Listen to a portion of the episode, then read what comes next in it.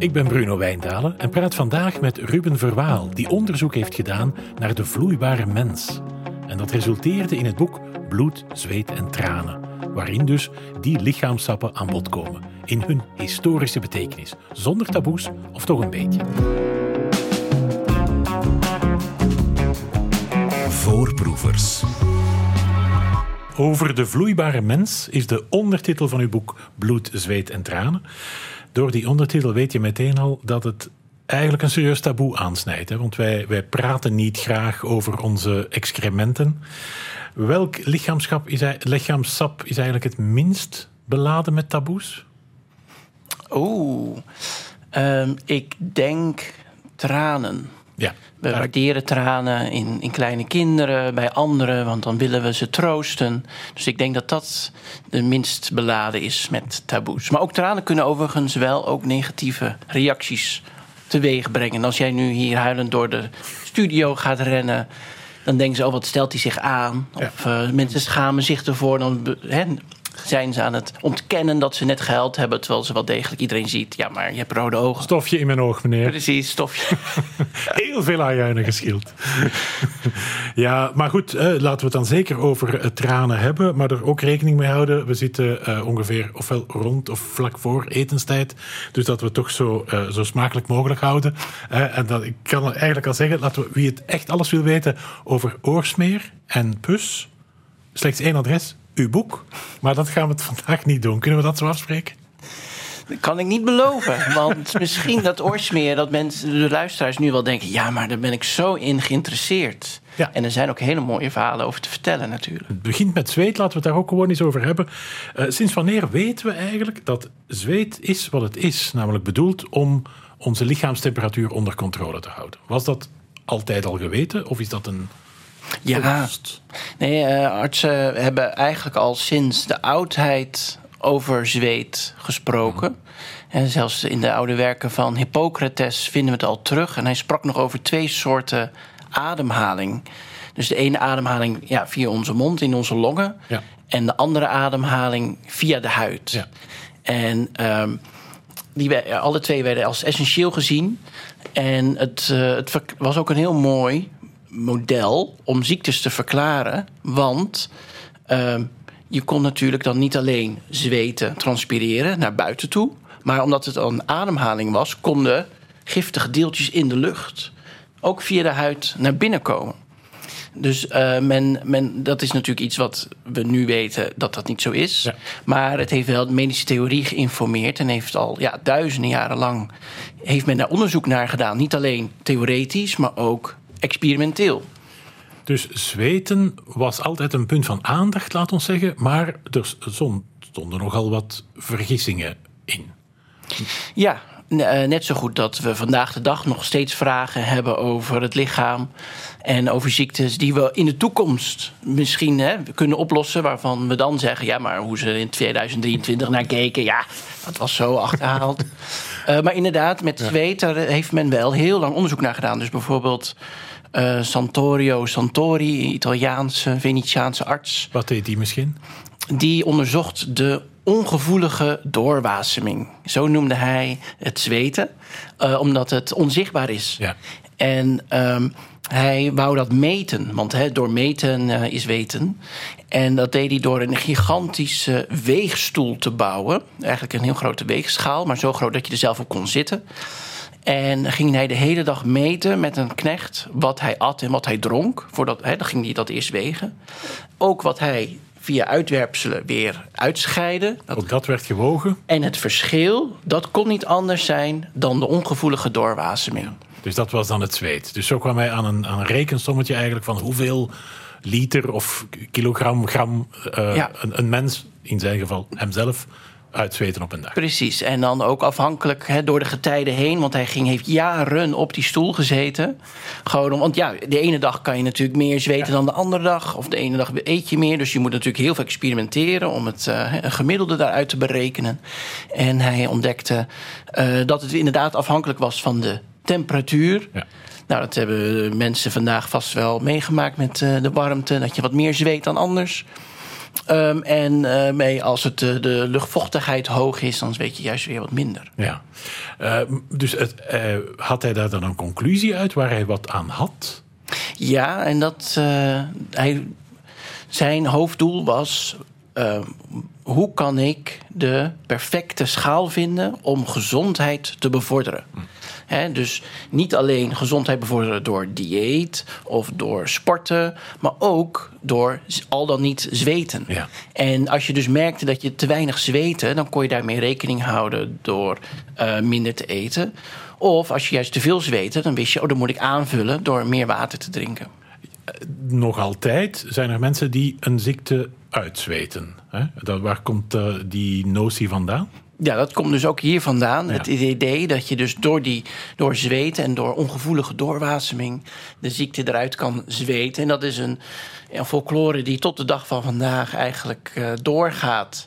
Is daar een grond van waarheid in? Uh, nee. Sterker nog, er wordt zelfs afgeraden, zeker als het een infectieziekte betreft. Want als u dan naar de sauna gaat, dan in grote kans dat uw uh, verkoudheid juist uh, besmettelijk is voor heel veel andere mensen. Uh, dus dat wordt eigenlijk ten zeerste afgeraden. Bovendien verzwakt het ook. Maar het is logisch, want bij alles, allerhande koortsen waar je het warm hebt, dan ben je aan het zweten. Dus het is niet zo gek dat mensen dachten He, dat het lichaam hard werkt om die ziekte eruit te zweten. Ja. Waar uh, ook nogal wat onderzoek naar gedaan is of interesse voor was, is natuurlijk de geur van zweet. Bij mij ruikt dat nu toevallig naar viooltjes, maar bij mijn buurman kan het wel eens zuur ruiken. Hoe is dat verschil te, te verklaren? En hoe werd dat verklaard in, de, uh, in het verleden? Ja, dus de, de geur, ja, de lichaamsgeur is. Uh, zou je ook bijna kunnen zeggen, is de essentie. Dus dat vind ik wel jammer dat we vandaag de dag onze natuurlijke lichaamsgeuren verbloemen met uh, deodorant en noem maar op. Um, terwijl uh, er zijn artsen, zoals bijvoorbeeld uh, de Hollandse Herman Boerhaven, die zei: ja, maar in de, in de geur, de lichaamsgeur, zit de essentie. Want elke hond op een gigantisch druk marktplein kan zijn baasje vinden enkel en alleen op de basis van zijn lichaamsgeur. Ja. He, dus dat is, daar, daar zit jouw identiteit bij. Zo, zo, zo, noemde hij het niet, maar dat, he, dat lees ik er dan in. Um, en, uh, maar dat nam niet weg dat men ook uh, daarop verder ging filosoferen. Dus uh, rook men heel sterk tijdens een ziekte, dan was dat een signaal dat er inderdaad iets aan de hand was. Ja. Uh, en dus men maakt wel degelijk onderscheid tussen iets wat heel zwaar rook of heel licht. Ja, wat dat dan betekent, ik vind dat als historicus heel moeilijk te, te duiden. Het, maar dat is wel heel interessant om over na te denken. Als je historisch onderzoek doet, niet alleen uh, wat lees ik in oude bronnen, maar hoe rook dat dan ook vroeger? Dus, uh, dat is het allermoeilijkste, want daar kunnen we nooit naar terug. Wat ze vertelden, dat kon nog opgeschreven zijn, maar hoe het rook? Dat is inderdaad heel moeilijk, maar er zijn wel degelijk collega's van mij... en ik heb er zelf ook aan meegewerkt... om dat toch te proberen recreëren of te benaderen. Dat je bijvoorbeeld uh, de verschillende... Uh, ja, je kan gedachte-experimenten doen. Mm -hmm. Dus ik dacht van, nou, laat ik eens een week geen deodorant gebruiken. Hoe ruik ik eigenlijk zelf? Nou, dat is niet echt bepaald appetijtelijk, moet ik zelf ook toegeven. Maar toen had ik een keer uh, met een collega uh, proefjes gedaan met uh, warmtebronnen. Dus in, men gebruikte vroeg in de 17e eeuw turf en kool hm. voor kachels en stoofjes. En ik had nog nooit geroken hoe, het, hè, hoe turf ruikt als je dat aansteekt, als dat smult. En dat is zo'n pregnante geur, dat is niet vervelend, maar het vult wel gelijk de hele ruimte. Dus toen dacht ik, oh, ik, mensen waren helemaal niet bezorgd over hoe ze roken naar zweet. Want alles rook naar turf in, in de 17e eeuw. ja. Laten we het hoofdstukje zweet even afsluiten om het over speeksel te hebben. Want daar hebben we heel veel van. Dat beseffen we niet, omdat we dat de hele dag uh, doorslikken. Liters. Liter. maar dat is zo. Dat is, ja. dat is eigenlijk. Ook dat moet je ook maar weer te weten komen. Dat dat liters zijn. Ja, maar dat, dat kan je heel makkelijk uh, proefondervindelijk testen door gewoon in een sputumbakje te spugen de hele dag. Kijk ja. hoeveel je eigenlijk produceert. Of wat je dus eigenlijk, de meeste mensen slikken het door. Um, en het speelt dus ook een essentiële rol in, in de spijsvertering. Mm -hmm. Dus hier zien we ook weer heel mooi hoe, net zoals zweet was, dacht men, hè, en nog steeds is heel belangrijk voor de het gezonde lichaam. Ja. En speeksel is dat ook. En dat is eigenlijk een soort van thema door het hele boek heen en alle hoofdstukken van die verschillende vloeistoffen. Eh, dat het, eh, we doen er heel vies over en tegelijkertijd zijn ze essentieel om ons eh, gezonde lichaam draaiende te houden. Want zonder speeksel komt er gewoon ah, geen... Nee, dan krijg je een droge bek. Ja, probeer maar. Dat kan je doen. Hè. Je kan eh, met, je, met een. nou, je kan je tong drogen met een servetje. Ja, En dan proef je helemaal niks. Dan kan je suiker of zout op je tong doen. Nou, dat proef je niet. Dat moet, heb je speeksel voor nodig om dat te proeven. Eh, en slikken, dat wordt ook heel lastig om, eh, om Ja. zonder speeksel. Ja. Dus, maar we zijn er inderdaad vies van geworden. Maar er was een tijd dat spugen op straat doodgewoon was. Nu, wie dat nu doet, dan weet je... oké, ik heb hier met een semi-holbewoner te maken. Terwijl dat is Ja. niet zo. Dat, Nee. dat is tot heel lang normaal gebleven. Gebleken. Ja, dus ehm, ehm, ik heb dan in het eh, hoofdstuk over speeksel... ben ik inderdaad helemaal de oudheid ingegaan. Zelfs eh, eh, de, de, de bijbelverhalen erop nageslagen. Want dan zie je, als je er eenmaal op let... zie je ook overal speeksel terugkomen in, in het doen en laten van Jezus... die wonderen verricht met speeksel. Dus we hebben het beroemde verhaal van de doven... Ehm, maar Jezus wil natuurlijk dat iedereen het evangelie hoort. Dus dan in een heel mooi verhaal ehm, spuugt hij in de aarde, mengt dat en dat stopt hij in de oren van de doven. En hij pakt de tong vast tegelijkertijd en dan zegt hij: ehm, Hoor. En, ehm, en dan inderdaad kan de, de spraakloze man kan dan weer horen en hij kan weer spreken. Dankzij de helende kracht van speeksel. Ik weet niet of u dezelfde uitdrukking kent, maar wij hebben in Vlaanderen de uitdrukking Jezekesalf. Jezekesalf. Dat is speeksel van de moeder. Ja. Brengt dat meestal op haar kinderen aan die een wonde hebben. Ja, moederzalf. Ja, Precies. klopt. Ja, dat is ook weer die helende kracht. Ja. Als, je, als, als, eh, als de peuter eh, op stoep valt, hup, kus erop van, eh, van moeder, moekes zelf erop. En dan, eh, dan is het weer goed. En dat is niet alleen... Ja, dit En dat gaat dus al ja. terug, vandaar dat wij het waarschijnlijk Jezekesalf noemen, omdat dat teruggaat tot Ja. het verhaal van, eh, van Jezus in de Bijbel. van Jezus. En, dan, en niet alleen in de Bijbel, maar ook in de Griekse oudheid, in de tempel van Asclepius. de, de god van de geneeskunde, als mensen met alle- allerlei wonden eh, daar naartoe kwamen om genezen te worden, dan waren er eh, bijvoorbeeld honden die likten dan de wonden om ze, als je jicht had of iets dergelijks, of ander eczeem. Dan eh, was het idee dat het speeksel van mensen, maar ook van, van, Van honden dieren, ook prima zou ik eh, zou kunnen helpen. Ja. Ja. Ja, en we kunnen natuurlijk erover terugdenken van... ja, in een tijd dat er nog geen schoon drinkwater uit de kraan loopt... eh, is, is ja, speeksel een heel schoon eh, middel. Het is, maakt het eigenlijk... Je wast het als het ware, Ja. de wond. En dat, daar is nooit... Daar is niks mis mee. Daar is niks mis mee. Nee, nee. Maar om het nu echt als een geneesmiddel te noemen, u bent natuurlijk historicus, u moet niet de echte, eh, u moet geen medische tips geven, maar het is misschien toch geen topidee om een wonde schoon te maken met. Nou ja, mocht je eh, verdwaald zijn of eh, op een onbewoond eiland er, eh, in de jungle en je hebt een schaafwond en je hebt niks, dan kan je er altijd. Nou ja, je kan er ook op plassen. Dat is overigens ook nog een tip. Daar heb je wat meer van en hoef je niet zelf te likken. Maar ja, moekenzalf, daar is nog dat- nooit iemand dood van. Dat doen wij dan weer op kwallen beter. hè? ja, Vlaamse folklore. Het is, eh, het is echt wel een, een studie waard. Maar sinds wanneer is eigenlijk spuwen not done in het openbaar? Sinds wanneer hebben we afgesproken dat we dat niet meer gaan doen? Nee, we zien eigenlijk een eh, grote ommezwaai in de 19e eeuw. Eh, dus, ehm, nou ja, steden worden groter. Mensen, ehm, het heeft niet alleen puur met speeksel te maken, ook met tabak en pruimen. Het, pruimtabak. Ja. En men spuugde dat uit. En, maar er waren ook verschillende ziektes, zoals tuberculose, die zich op die manier konden verspreiden. Ja. En eh, men begint dan eh, verschillende ehm, ja, sputumbakjes uit te vinden, zodat je het spuug kan, eh, verzamelen. En dat het niet op straat komt. In postkantoren over, en in de trams. Overal verschijnen bordjes verboden te spuwen. Uh, in de hoop dat het de, de, verspreiding van de ziekte kan voorkomen. Dus dat is in de 19e eeuw. En dus ook heel logisch, hè, omdat we willen voorkomen dat mensen ziek worden. Maar dat betekent tegelijkertijd ja, dat een, er een stigma vormt op, op speeksel.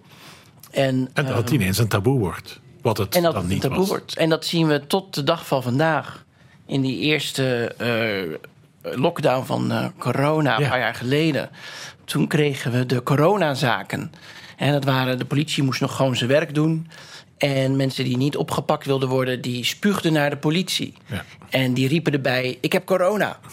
En dat hadden ze helemaal niet. Of of misschien hadden ze het wel, maar in ieder geval was het uh, een dermate grote angst. Ja, we wisten niet, hè, het was nog een dodelijke ziekte. Dus uh, het was niet alleen een belediging van, tegen de politie, wat al niet mag, maar zelfs een mishandeling. Ja, het was dus mensen zijn het gevangen ingestuurd. Ja. Uh, omdat ze dus de politie hebben mishandeld. Nou, dat is extra zware straffen staan erop. Of door te spugen, hè, door speeksel. Speeksel werd geherdefinieerd van belediging naar mishandeling. En het gekke aan speeksel is natuurlijk, andermans speeksel, dat is echt vies. Onze eigen speeksel slikken de hele dag door, dus is niks mis mee. Maar mochten wij elkaar nu plots heel erg aantrekkelijk vinden na de uitzending... Of nu al tijdens de uitzending. dan zouden we elkaar speeksel plots niet meer vies vinden. Dat is toch iets heel vreemds. Hè? Dat, dat is heel vreemd. Maar dat, datzelfde, diezelfde paradox hebben we ook bij onszelf. Dus als jij... Uh, ik heb hier een glaasje. Als ik... Uh, als, als jij daarin spuugt en ik jou vraag, drink nu dat weer zelf op. Dan denk doe ik het dan begin je al nee. gelijk met walgen. Ja. Dan vinden we dat ook al vies. Dus dan merk je dat uh, waarom die vloeistoffen zo, uh, zo, zo vervelend zijn, of waarom we daar zo van afweer van hebben, is dat het heel makkelijk normen en de grenzen, de ongeschreven grenzen of de onuitgesproken normen, uh, die, die overschrijdt. En uh, dat mag niet. He, we zijn, hebben in ons leven, ons dagelijks leven, allemaal gedragsregels. We hebben ideeën wat netheid is en wat uh, onbeleefd is, wat professioneel is en wat niet professioneel is. En die vloeistoffen, ja, die zijn in overtreding. Ruben Verwaal, bloed, zweet en tranen. En we zijn bij bloed. Hè. Echt iets fascinerend. Uh, er zijn mensen die al flauw vallen bij het zien mm. uh, van bloed alleen. Terwijl vroeger uh, bijna, ja, je leest in alle boeken over, zowel over koningen als, als paupers. Als er iemand ziek was, aderlaten. Dat bloed moet weg. Het is het bloed dat ziek was. Hoe kwamen ze daarbij? Ja, uh, aderlaten is fascinerend omdat het duizenden jaren lang ja. uh, gepraktiseerd bleef.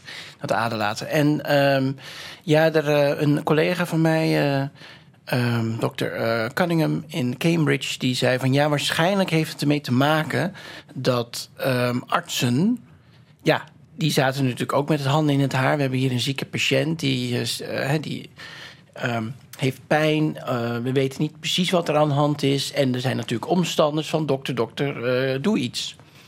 En aderlaten heeft wel het effect dat je, als je maar genoeg aftapt, de patiënt valt flauw. Hè? Als je een halve liter, liter aftapt. Uh, dat betekent dus ook dat je eventjes geen pijn hebt. Die pijn komt later keihard weer terug als je eenmaal bij zinnen bent. Maar hè, op het moment zelf heb je geen pijn. En omstanders, de familie, uh, die zien dat er ook echt iets gebeurt. Uh, dus dat, was een van, dat zijn een van de theorieën ja. onder historici. Een, dus dat, dat is het hele pragmatische, het, het ritueel, dat er iets gebeurt. Uh, en dat je dus ook echt iets kan doen. We vinden het verschrikkelijk om machteloos erbij te staan. En anderzijds was er natuurlijk ook wel een enorme medische theorie opgetuigd. die al sinds de oudheid werd ontwikkeld. door Hippocrates, Galenus, Avicenna, ja. dat soort uh, grote namen. Uh, die een heel groot logisch systeem opbouwden. Uh, dat het lichaam zou bestaan uit vier humeuren. Ja, dus, dus de, ook de sappen eigenlijk. De, hè? de gele gal, zwarte gal, bloed en dat was de vierde? En flegma. Flegma, ja, of slijm. Ja. En uh, die moesten in balans zijn voor de goede gezondheid. En bij koorts of een andere ziekte was het idee... dan zouden die uit balans zijn. En aderlaten was dan een van de hele effectieve methodes... om te proberen die balans terug te brengen. Ja. Natuurlijk, uh, het... Het is moeilijk voor ons. Wij weten daar nu wel wat van om terug te gaan in de tijd. Maar voor je echt lichamelijk onderzoek in de essentie kon doen, wisten ze zelfs niet dat er een soort bloedsomloop was, dat dat een gesloten circuit was. Daar was ook een andere theorie over. Het moet nogal een schok zijn als je dat vaststelt. Ja. ja, dat klopt. Dat was, we noemen het uh, heel lang uh, wetenschappelijke revolutie. Ja. Um, in de 17e eeuw. Uh, hè, dat we afhankelijk inderdaad een systeem hadden van twee bloedsystemen die vanuit het hart en vanuit het lever naar buiten toestroomden. En opeens, door anatomisch onderzoek van William Harvey, dacht hij van ja, maar dat gaat in een cirkel. Dat, uh, hè, dus dan krijgen we de bloedsomloop. Ja. En dat was inderdaad een hele revolutie. Uh, dat wil zeggen, een revolutie in het denken, maar niet gelijk in de praktijk. Want aanlaten, waar we het net over hebben gehad, dat bleef nog. Dat bleef nog tot, negen, tot 19e ja. eeuw bleef men dat doen. Uh, dus, um, dus dat is heel interessant. Uh, probeert, hè, dan zie je ook weer dat theorie en praktijk elkaar niet per se beïnvloeden. Maar um, ja, dat bracht een hele revolutie teweeg, bloedsomloop. En dus ook het idee van hé, hey, als, we, als het bloed als het ware in een cirkel gaat en we bloed kunnen aftappen, zouden we ook iets in het bloedsysteem kunnen injecteren. Het radicale tegendeel eigenlijk. Het radicale tegendeel. De zogenaamde bloedtransfusie, wat dan eigenlijk vrij laat op de proppen gekomen is. Vrij recent. Ja, enerzijds heel recent. Sorry. Maar um, de eerste experimenten gebeurden al wel in de 17e eeuw. Toch? Uh, heel kort, een paar jaar. Uh, bijvoorbeeld, er is een beroemd voorbeeld van Arthur Koga, die dan uh, een, een, een theologiestudent uit Cambridge. En die uh, schijnt last te hebben gehad van een geestesziekte. En dan gaan ze hem uh, een bloedtransfusie geven met bloed van een lammetje. En dan zijn we weer terug bij Jezus, want het lammetje staat onschuldig. Hè? En inderdaad, aanvankelijk was het experiment een succes. Uh, de student Arthur die uh, had wel zwarte urine een poosje. Oftewel, hè, zijn nieren hadden keihard gewerkt om dat vreemde bloed weer uit zijn ja. systeem te werken. Maar hij zei zelf dat hij genezen was van, uh, van zijn geestesaandoening. Um, maar toen er experimenten werden gedaan in Parijs, toen overleed er een jongen. En die, dat bracht ertoe dat er een verbod kwam op dit soort experimenten. Tot de 19e eeuw. Maar pas in de 20e eeuw met. Um, eigenlijk met de, de, Grote Oorlog en de Tweede Wereldoorlog, dan zien we dat uh, bloedtransfusies en bloedbanken echt uh, een gro ja, grote rol gaan spelen. Dus dat je toch weer merkt dat de oorlog een soort uh, katalysator is voor grote medische vernieuwing, omdat er natuurlijk veel soldatenbloed verloren en Klopt. dat kon dan aangevuld worden. Maar Ja. dat werkt niet als je niets weet over bloedgroepen, denk ik. Nee, dus er was kennis al over bloedgroepen uh, rond 1900. Uh, en inderdaad ook al kennis over hoe kunnen we bloed opslaan. Maar je hebt altijd inderdaad... Uh, je hebt nooit genoeg aan puur een uitvinding of een innovatie. Je hebt ook de logistiek nodig. Ja. Uh, wat natuurlijk geld kost. En een goede aanleiding, een goed motief. En de oorlog waarin gewoon ja, per duizenden tegelijk uh, levens verloren dat was aanleiding genoeg om natuurlijk dan dit te gaan investeren in, in bloedbanken. De, er was ook de, een Rus uh, Bogdanov die onderzoek deed naar, uh, naar bloedtransfusies. zijn theorie was dat jeugdig bloed beter was dan ouder bloed. Klopt, ja. En om maar meteen cutting to the chase, is dat ook zo? Word je ook echt beter van jong bloed in, ge, in transfusie? Nou, er wordt nog steeds onderzoek naar gedaan. En er lijken toch wel. Hij lijkt. Uh, we lachen vaak om de. Ja, de hele cowboy-achtige experimenten die hebben plaatsgevonden in het verleden. Ja. Uh, en deze Bordanov die had zich inderdaad uh, bloedtransfusies gegeven van uh, ja, jonge knapen, waardoor hij zei dat hij zich misschien 50 was, maar voelde zich toch 30.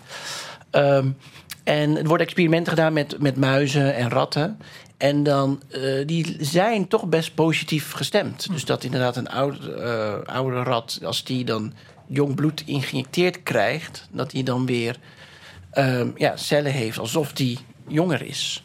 Maar goed, hè, dat, wil, dat, wil, niet zeggen dat dat iets. Ja, dat is een beetje vampierachtige praktijken. Ja, wil ik niet is inderdaad een beetje Dr. Frankenstein, Brave New World. Niet voor iedereen, ja. denk ik.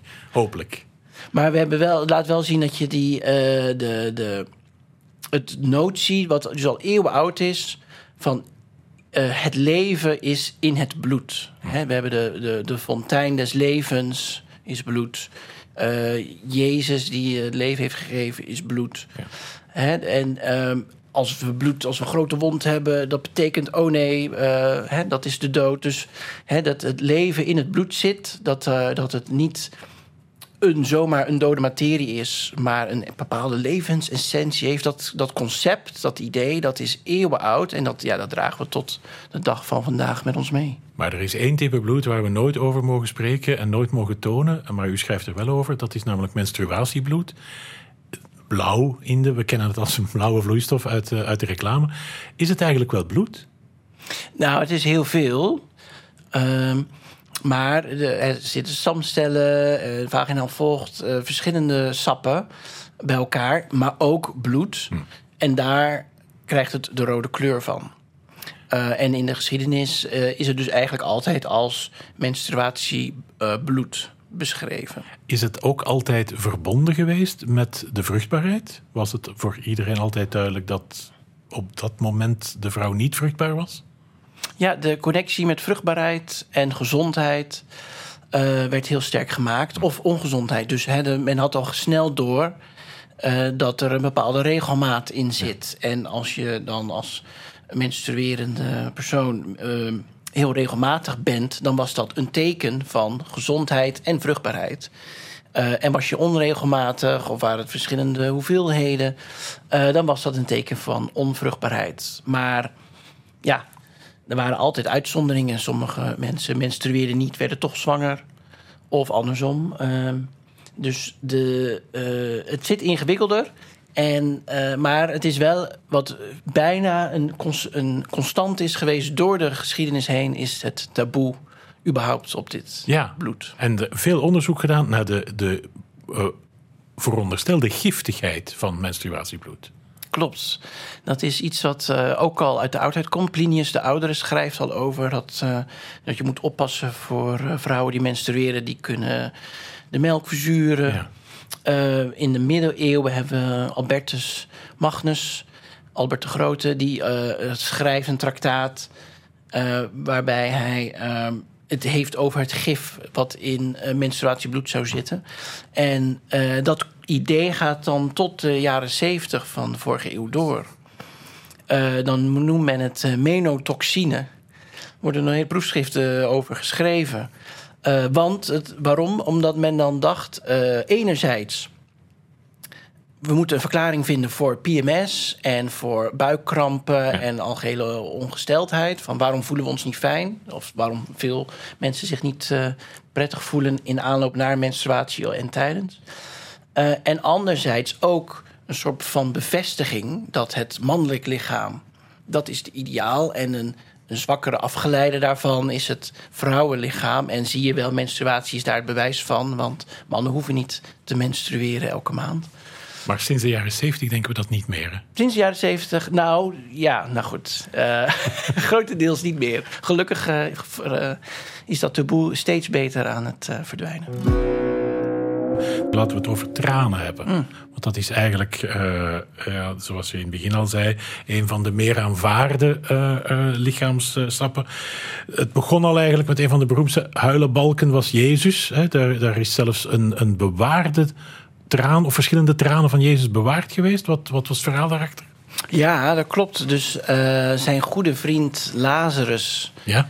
die overleed. En Jezus moest daarom huilen. En het apocryfe verhaal gaat dat een aartsengel die tranen opving en aan Maria Magdalena had gegeven in de vorm van een soort van kristal.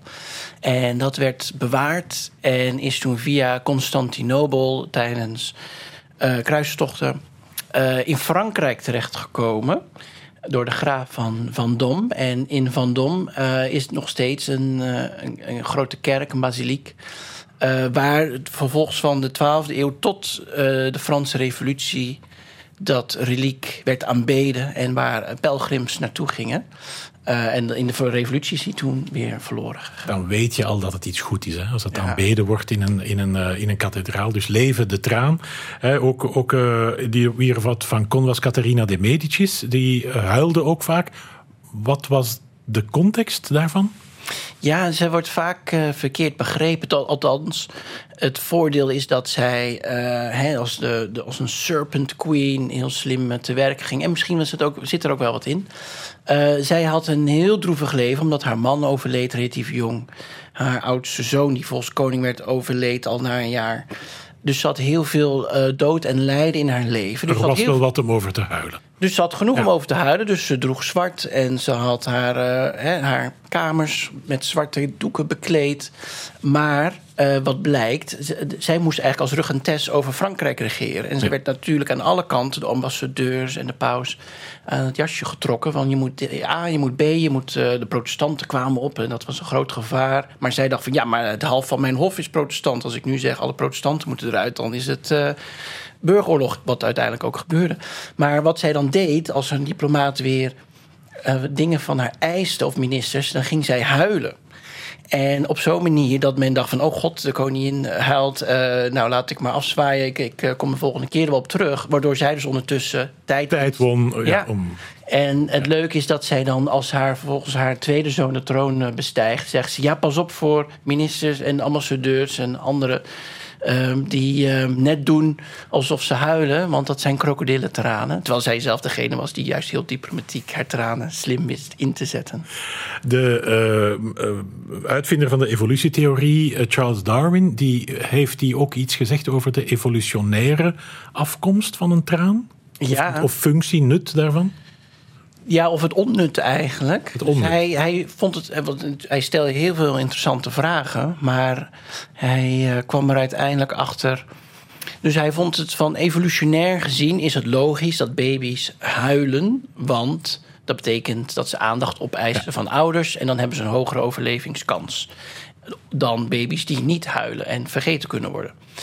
Uh, en dan het idee is dat uh, baby's dan tranen of een. Uh, hun spieren in het voorhoofd, in het gezicht aanspannen om te schreeuwen. En dat dat leidt dat uh, oogvocht, wat natuurlijk is, dat dat dus uh, wordt samengeperst, waardoor er dus tranen komen. En hij deed experiment op zijn eigen kinderen. En hij vroeg ook aan vrienden: wanneer beginnen jullie, kind, pasgeboren baby's voor het eerst echt tranen? Ze schreeuwen al gelijk, maar wanneer komen nou die eerste tranen? En dat is soms pas na 40 dagen of pas na 100 dagen zelfs. Dus hij zei, nou het is dus een bijverschijnsel. Het is niet primair. Maar het is wel iets wat we vasthouden de rest van ons uh, leven. Uh, dus hij vond het tranen eigenlijk maar een flauw bijverschijnsel. Alsof we een staart zouden hebben eigenlijk. Precies, het is zoiets ja. dat we niet nodig hebben. Nee. Uh, is hij daarmee misschien zelfs een beetje mee aan de basis van de stiff upper lip? Stiff upper lip, hij is natuurlijk ook een Engelsman. En uh, ja, van een echte Engelse, die, die huilen niet. Uh, dus dat, dat past precies uh, past daarbij. En andere wetenschappers gaan er natuurlijk ook op in. Uh, Sigmund Freud bijvoorbeeld. Ja. die doet daar dan ook onderzoek naar. Ook dat was niet mannelijk. Nee. Niet not done eigenlijk. Precies. Het is toen eigenlijk dat de, de notie ontstaan is... echte mannen huilen niet en Britten zeker niet. Britten zeker niet. En als men dus huilt, dan is dat dus een, een symptoom van onderliggende frustraties, trauma's in het onbewuste... Uh, die uh, op een of andere manier naar buiten moeten komen. Maar uh, ja, de echte man die helpt niet. En dat is dus een gigantisch contrast met de eeuw daarvoor, de 18e eeuw. Die was de eeuw, dat was met tranen overgoten, zoals ja. we dan zeggen. ja. Waarbij ook niet alleen in theaterstukken en in romans eindeloos wordt gehuild door mannen en vrouwen. maar ook dat artsen het omarmen. Hè, die zeggen ook van je moet om het, uh, het mentale gestel gezond te houden, je emoties uiten, nou, of de passies zoals ze dat dan noemen, uh, door tranen. En als je die te veel binnenhoudt, verkropt, dan kan je helemaal verstarren. Dan word je melancholisch. Dan raak je uit balans, waar we het net al over hadden. En dat kan hele heftige ziektes tot gevolg hebben. Dus toen was het zeer goed. Nadien werd het minder. En ik heb het gevoel dat het nu terug een beetje aan het goed worden is. Als ja. ik tegenwoordig wielrenners na een gewonnen wedstrijd zie huilen of omdat ze verloren hebben, of omdat ze gewonnen hebben, of omdat ze moesten denken aan hun pas overleden vader. In elk geval, die emotie is terug oké, denk ik. Klopt. En uh, wel op uh, gepaste plaats. Maar we zien inderdaad steeds vaker in de moderne maatschappij dat als een man zijn kwetsbaarheid durft te laten zien door een traantje weg te pinken, dan uh, leven helemaal mee. En dat is, de traan is dus het bewijs van oprechtheid. Dus dat, je kan wel zeggen, ja, ik leef mee. Maar als, je, als we president Obama zien die huilt omdat er weer een schietpartij is Ja. geweest, dan leven we helemaal mee. En dan geloven we hem echt. En dan niet alleen maar de woorden. Klopt. Meer over bloed, zweet, tranen en de andere lichaamsvochten te vinden in het gelijknamige boek van Ruben Verwaal, uitgegeven bij Thomas Rap. Dankjewel.